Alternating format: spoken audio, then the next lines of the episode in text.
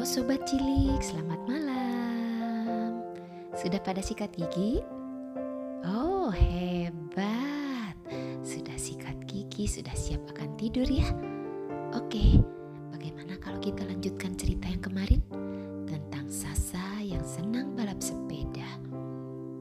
Kemarin kita sudah dengar bahwa Sasa mengajak Kiki balap sepeda, tetapi mereka tidak dapat melaksanakan karena di kompleks banyak yang berolahraga dan banyak anak kecil yang sedang berlatih mengayuh sepeda roda tiga.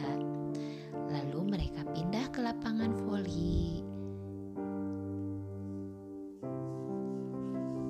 Tetapi ternyata lapangan volinya juga sedang dipakai latihan. Nah, kita lanjut hari ini.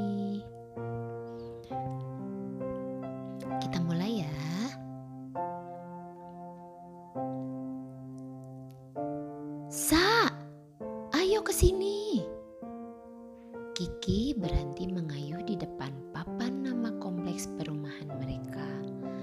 Ditunggunya Sasa di bawah papan nama yang bertuliskan N U S A I N D A H Nusa Indah.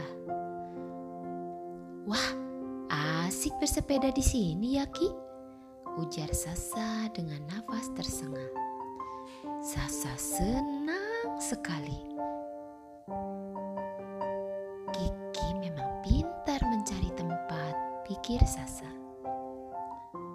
Ayo, kita balapan. Kita bersepeda mengelilingi kompleks ini.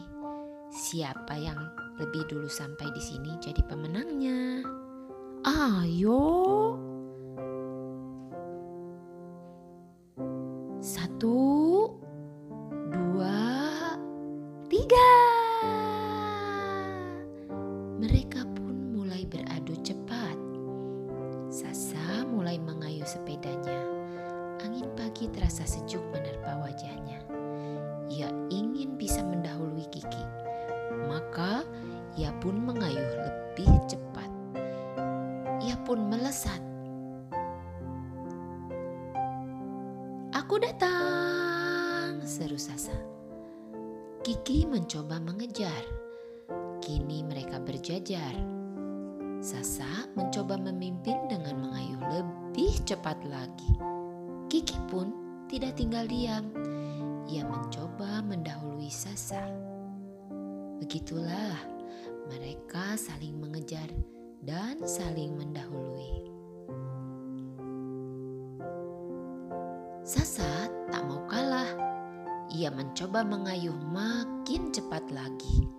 Sepedanya meliuk melewati sekelompok warga kompleks yang sedang berolahraga jalan kaki pagi. Dan ia berhasil melewati rombongan itu. Tetapi, ops, sepedanya oleng. Sasa kaget karena hampir jatuh. Hahaha, kejar aku Ki, serunya. Setelah kagetnya hilang. Merasa memimpin di depan, Sasa tertawa senang.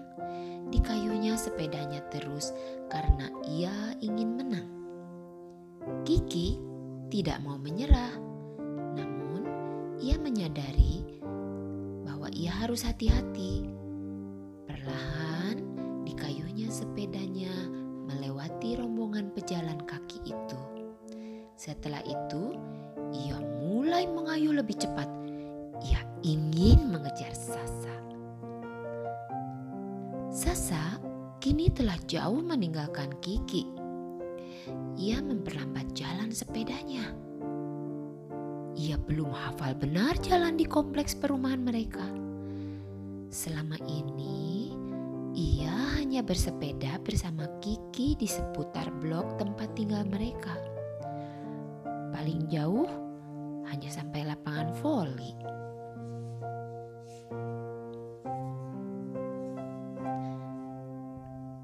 Sekarang Sasa sampai di persimpangan jalan.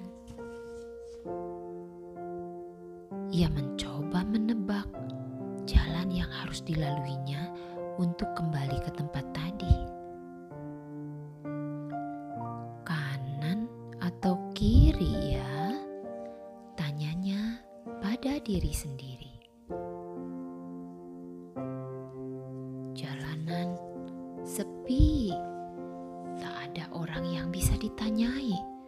Akhirnya, Sasa memilih belokan ke kanan.